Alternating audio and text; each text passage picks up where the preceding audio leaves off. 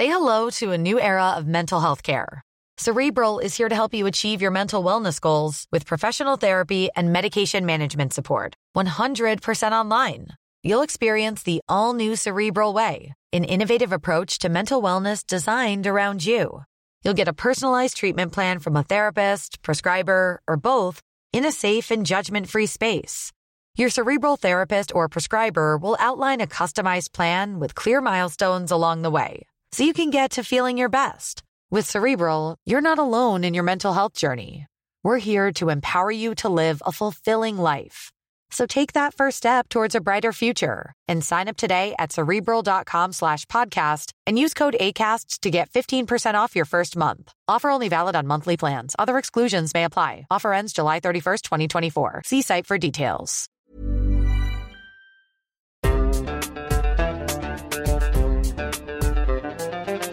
بودكاست صوت.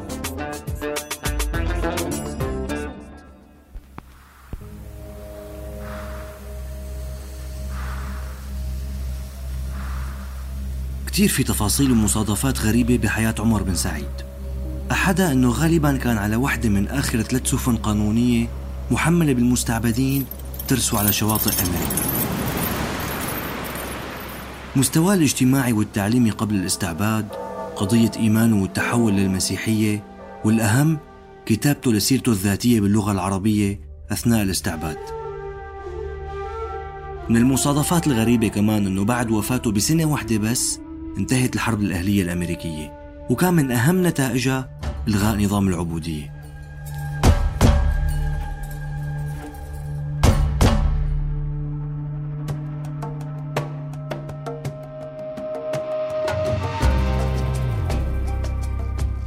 أنا بشر نجار وهذا موسم خاص من بودكاست من بيت.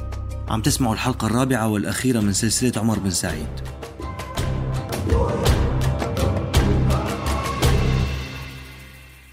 بالحلقات الثلاثة الأولى سمعنا قصة عمر من نشأته للحظة استعباده وحتى وفاته. بسنة 1770 تقريبا انولد عمر في فوتا تورو بحوض نهر السنغال. تعلم القرآن واللغة العربية ولاحقا اشتغل بالتجارة. بسنة 1807 وقع بالأسر نتيجة حرب شهدتها منطقته. تم استعباده ونقل عبر المحيط لأمريكا للعمل قصرا في الحقول الزراعية. هي التفاصيل وغيرها ما كنا حنعرفها لولا أنه عمر كتبها بإيده على الورق باللغة العربية سنة 1831 الورق يلي صار واحدة من أندر المخطوطات من نوعها.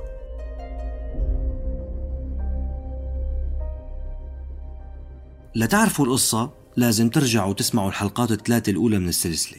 أما إذا سمعتوا القصة فيمكن عندكم كم سؤال معلق وكم تفصيل بحاجة لنقاش أكثر لهيك بهي الحلقة قابلنا الباحث علاء الريس مؤلف كتاب A Muslim American Slave مستعبد أمريكي مسلم واحد من أهم الكتب اللي تناولت قصة عمر بن سعيد على وجه الخصوص. الريس مختص بالأدب المقارن. قدم بكتابه ترجمة رابعة لمخطوطة عمر سنة 2011 بعد ثلاث ترجمات صدرت على مدار أكثر من 150 سنة أضاف تحليله وقراءته للسياق الزمني والمكاني للمخطوطة وترك فرضيات عن سبب وتوقيت كتابتها It's a window, right? It's a rare window into the life of an actual, into the mind of a slave while he was enslaved, right? Which is incredibly rare.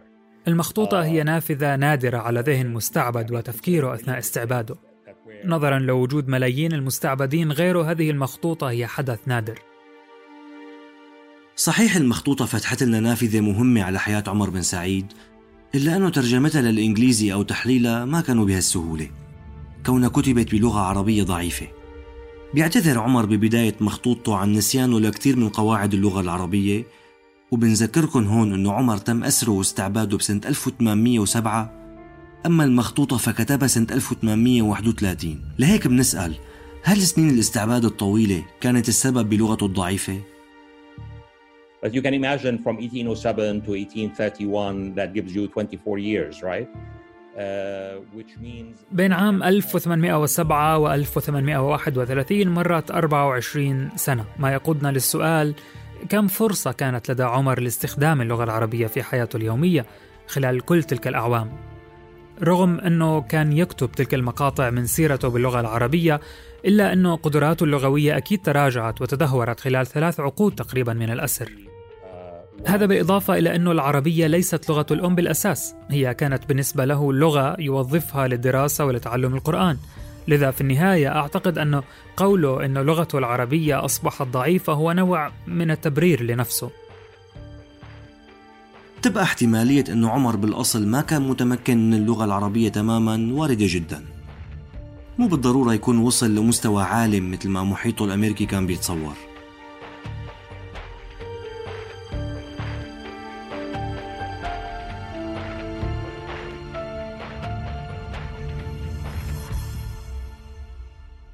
هلا بنجي لسؤال كتير مركزي.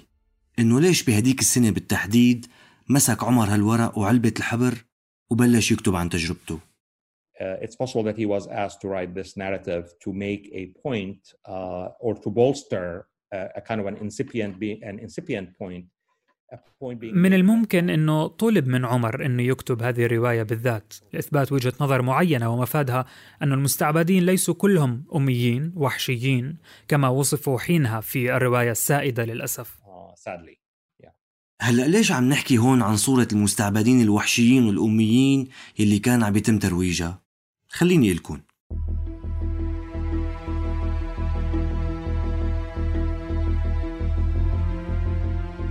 بنفس السنة يلي عمر كتب فيها مخطوطته كانت فيرجينيا المحسوبة على الولايات الجنوبية عم تشهد حركة ما صار مثلها بالتاريخ الأمريكي. كان عم يقودها مستعبد أفريقي اسمه نات تيرنر.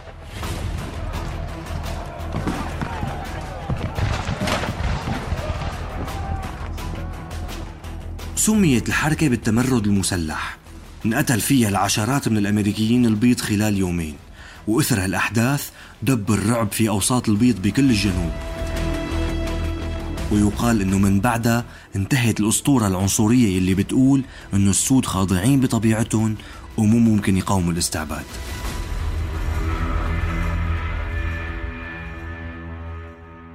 هذا أحد الاحتمالات اللي قدمها علاء الريس لتوقيت كتابة عمر لسيرته. سيرته يلي وجهها لشخص سماه الشيخ هانتر. Because later in the uh, introduction uh, I established إنه the Sheikh Hunter was a kind of a you know interesting figure. بمقدمة كتابه بيقول الباحث الريس إنه الشيخ هانتر هو شخص وسيط بين عمر وجماعة مهتمة بتجربته. هالجماعة هي نفسها جمعية الاستعمار الأمريكية أو ال American Colonization Society يلي كانوا بيشجعوا تحرير المستعبدين وبيشتغلوا على إرسالهم لأفريقيا مرة تانية. وتحديدا لليبيريا لحتى يقيموا مستعمرات هنيك بعيدا عن الولايات المتحدة الأمريكية. وبالمناسبة كتير من معارضي العبودية شافوا أنه نية هالجمعية بالحقيقة هي إبعاد النخبة من السود الأحرار عن المجتمع الأمريكي الأبيض.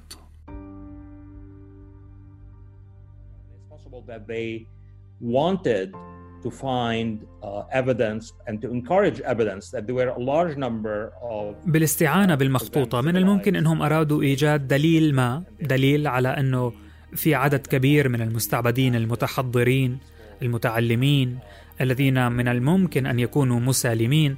حسب وصفهم أو حتى يكونوا غير معنيين بالقيام بأي فعل اتجاه ما يحصل لهم. وحتى لو تم تحريرهم من الممكن إرسالهم إلى أفريقيا بسلام دون مشاكل بعيدا عن الولايات المتحدة. بنشوف إنه هالجماعة روجت لخيار جديد للتعامل مع قضية المستعبدين. خيار مختلف عن توجهات مؤيدي استمرار الاستعباد وغالبيتهم في الولايات الجنوبية وتوجهات دعاة إلغاء نظام الاستعباد بالولايات الشمالية اللي بدورهم دعوا لتحرير المستعبدين ليعيشوا مع البيض بصورة طبيعية.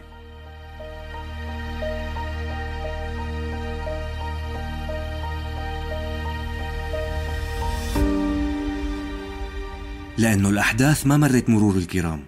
بعد كم شهر نات تورنر الثائر المتمرد اعتقل وأعدم ومن بعده تغيرت كتير قوانين. Laws were passed uh, in the South, uh, across the South, that made uh, the life uh, سنت قوانين في الجنوب الأمريكي جعلت حياة المستعبدين أصعب بكثير من قبل. من ضمنها مثلا قانون يمنع التجمعات ويمنع إلقاء الخطب أو المواعظ لا سيما المتعلقة بالتعليم.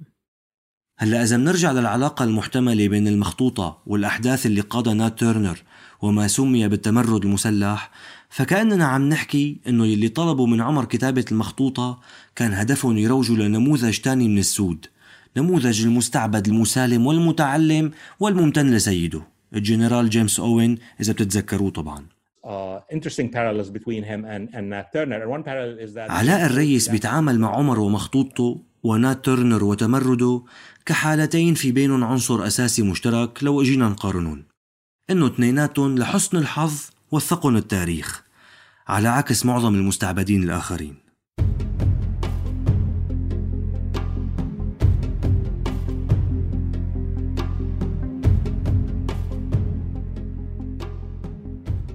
الأساس في شهادات وقصص المستعبدين السود كان إنها بتنكتب بعد ما يصيروا أحرار وثم بتكون محل شك دائما وبتخضع لسلطة المجتمع الأبيض وقراراته التحريرية. بمعنى أنه الأمريكي الأبيض المسؤول عن نشر شهادات السود بعد تحررهم ممكن يقرر يحذف أو يعدل تفاصيل معينة بالشهادات بحجة أنه صاحبها كان عم يبالغ بسرد عذاباته مثلا أو بيخترع أحداث مو حقيقية بقصتنا بقصة عمر الحالة كانت بتختلف شوي. نحن محظوظين أنه شهادة عمر بن سعيد وصلتنا بدون أي تلاعب بمحتواها بمرحلة ما بعد الكتابة. كونها باللغة العربية مو بالإنجليزي The difference is what we might simply call for lack of a better term الفرق هو عملية التحرير اللي أحاطت بروايات المستعبدين الآخرين. الأشخاص الذين قاموا بدور المحرر هم رجال عندهم أجندات، في كثير من الحالات أجندات جيدة من منطلق أخلاقي. حركة تحرير المستعبدين في شمال أمريكا أرادت أن يكتب المستعبدين مذكراتهم. في الحقيقة نوع معين من المذكرات اللي بتحتوي قيم أخلاقية نوع من العبرة وبتخدم في النهاية هذه الحركة وبتدعمها. روايات المستعبدين ومذكراتهم هذه المكتوبة باللغة الإنجليزية كتبها مستعبدين هاربين من الجنوب إلى الشمال ومن الواضح أنهم تعرضوا لخطر كبير. شهدوا أحداث سيئة جدا في حياتهم وعاشوا معاناة شديدة. ولكن عندما ننظر إلى رواياتهم نجد أنها بتتشابه في نقاط معينة وبنعرف منها أنه تلقوا تعليمات معينة. هذا التحرير المكثف نجت منه مخطوطة عمر بن سعيد. حلو هالكلام بس هون مهم نتذكر. عمر ما كتب عن حياته بقرار شخصي بل انطلب منه يكتب. لذلك بيبقى الاحتمال وارد إنه كمان انطلب منه يركز على تفاصيل معينة تخدم رواية الأمريكي الأبيض لهيك بنسأل هون هل عمر كمستعبد كان بيقدر يعمل قرارات شخصية نابعة من إرادته البحتة بدون أي تدخلات؟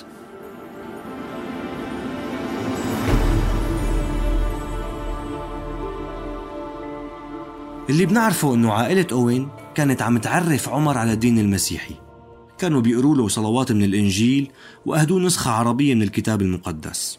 تعمد بالكنيسة بعمر الخمسين ومن بعدها انوصف بأنه الرجل المسيحي الصالح يلي ترك دينه القديم وبيروح على الكنيسة بانتظام. His words, if we look at his words, if we look at the manuscript itself, uh, there is absolutely no evidence in the manuscript that he converted in the sense that conversion means إذا نظرنا إلى كلماته وللمخطوطة نفسها لا يوجد أي دليل على أنه حول دينه.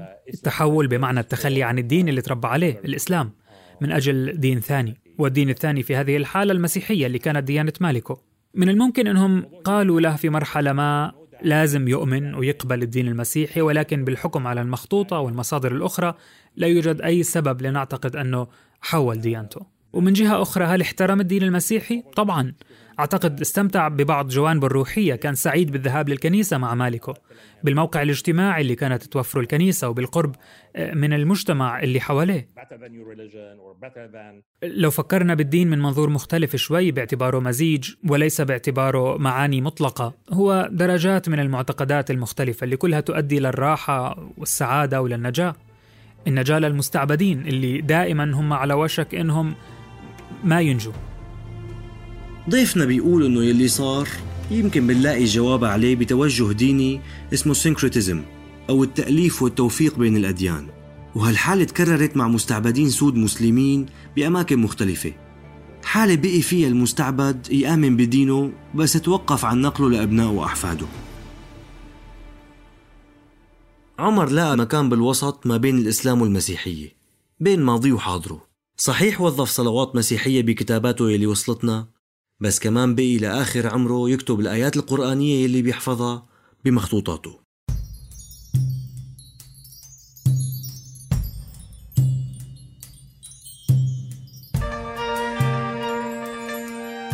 صحيح عمر نقل على متن سفن كانوا المستعبدين فيها بدوقوا أصناف العذاب وعاش تجربة العمل القسري في الحقول الزراعية بس لاحقا نال فرصته بحياة مريحة. بالمقارنة مع البقية بعضنا لما يسمع القصة ويقارنها بملايين التجارب المأساوية في ظل نظام العبودية ممكن يقول إنه عمر كان محظوظ وعنده امتيازات نادرة بالنسبة لمستعبد But I think his luck began to turn, and there's no doubt in my mind that this, um, the fact that he was. أعتقد إنه حظه بدأ يتغير في لحظة ما وما عندي شك إنه السبب في إنه رجل غني مثل أوين عنده نفوذ في ولاية كارولاين الشمالية يشتريه كله بيعود بالأساس لكتاباته بالعربي على جدران زنزانته هذه الحقيقة جعلته نوعا ما مثير للاهتمام. بالنهاية إحنا بنعرف قصته فقط لأنه عنده هذا الامتياز مقارنة بكل الآخرين اللي اللي ما عرفنا عنهم أي شيء.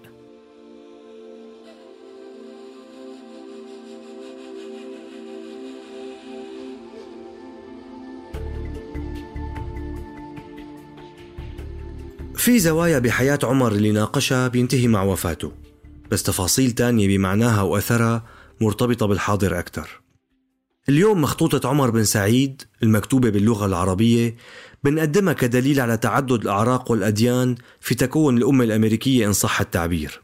تكوينها كأمة بيندرج تحت كتير أعراق وأمم اختلفت طريقة وسبب وجودها بأمريكا. أمة متعددة الأجناس والأعراق مو أمة بيضاء.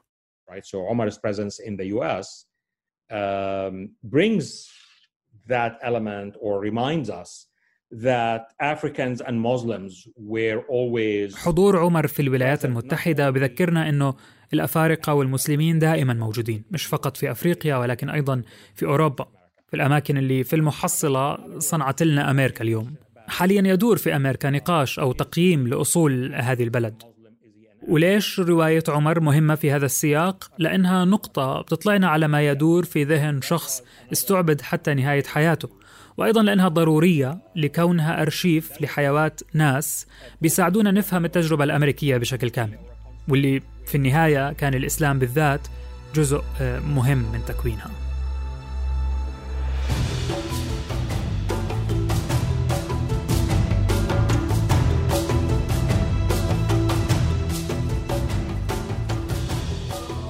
هاد كان ختام قصة عمر بن سعيد في بودكاست منبت دائما صعب نقدم قصة تاريخية بدون ما يكون في حلقات مفقودة. ما كان سهل نحكي القصة بدون ما ننبهكم كل شوي إنه هون في أحداث ناقصة وهون في قضية جدلية وهون في معلومة بتحتمل أكثر من معنى. كتير مرات كان جاي عبالنا نغوص بعقل عمر وبقلبه لنفهم أكثر لنحكي قصته كيف هو بيشوفها بعيدا عن سياقها الزمني. رغم هيك كان كتير مهم نفهم زمان ومكان كل حدث عاشه عمر من البداية للنهاية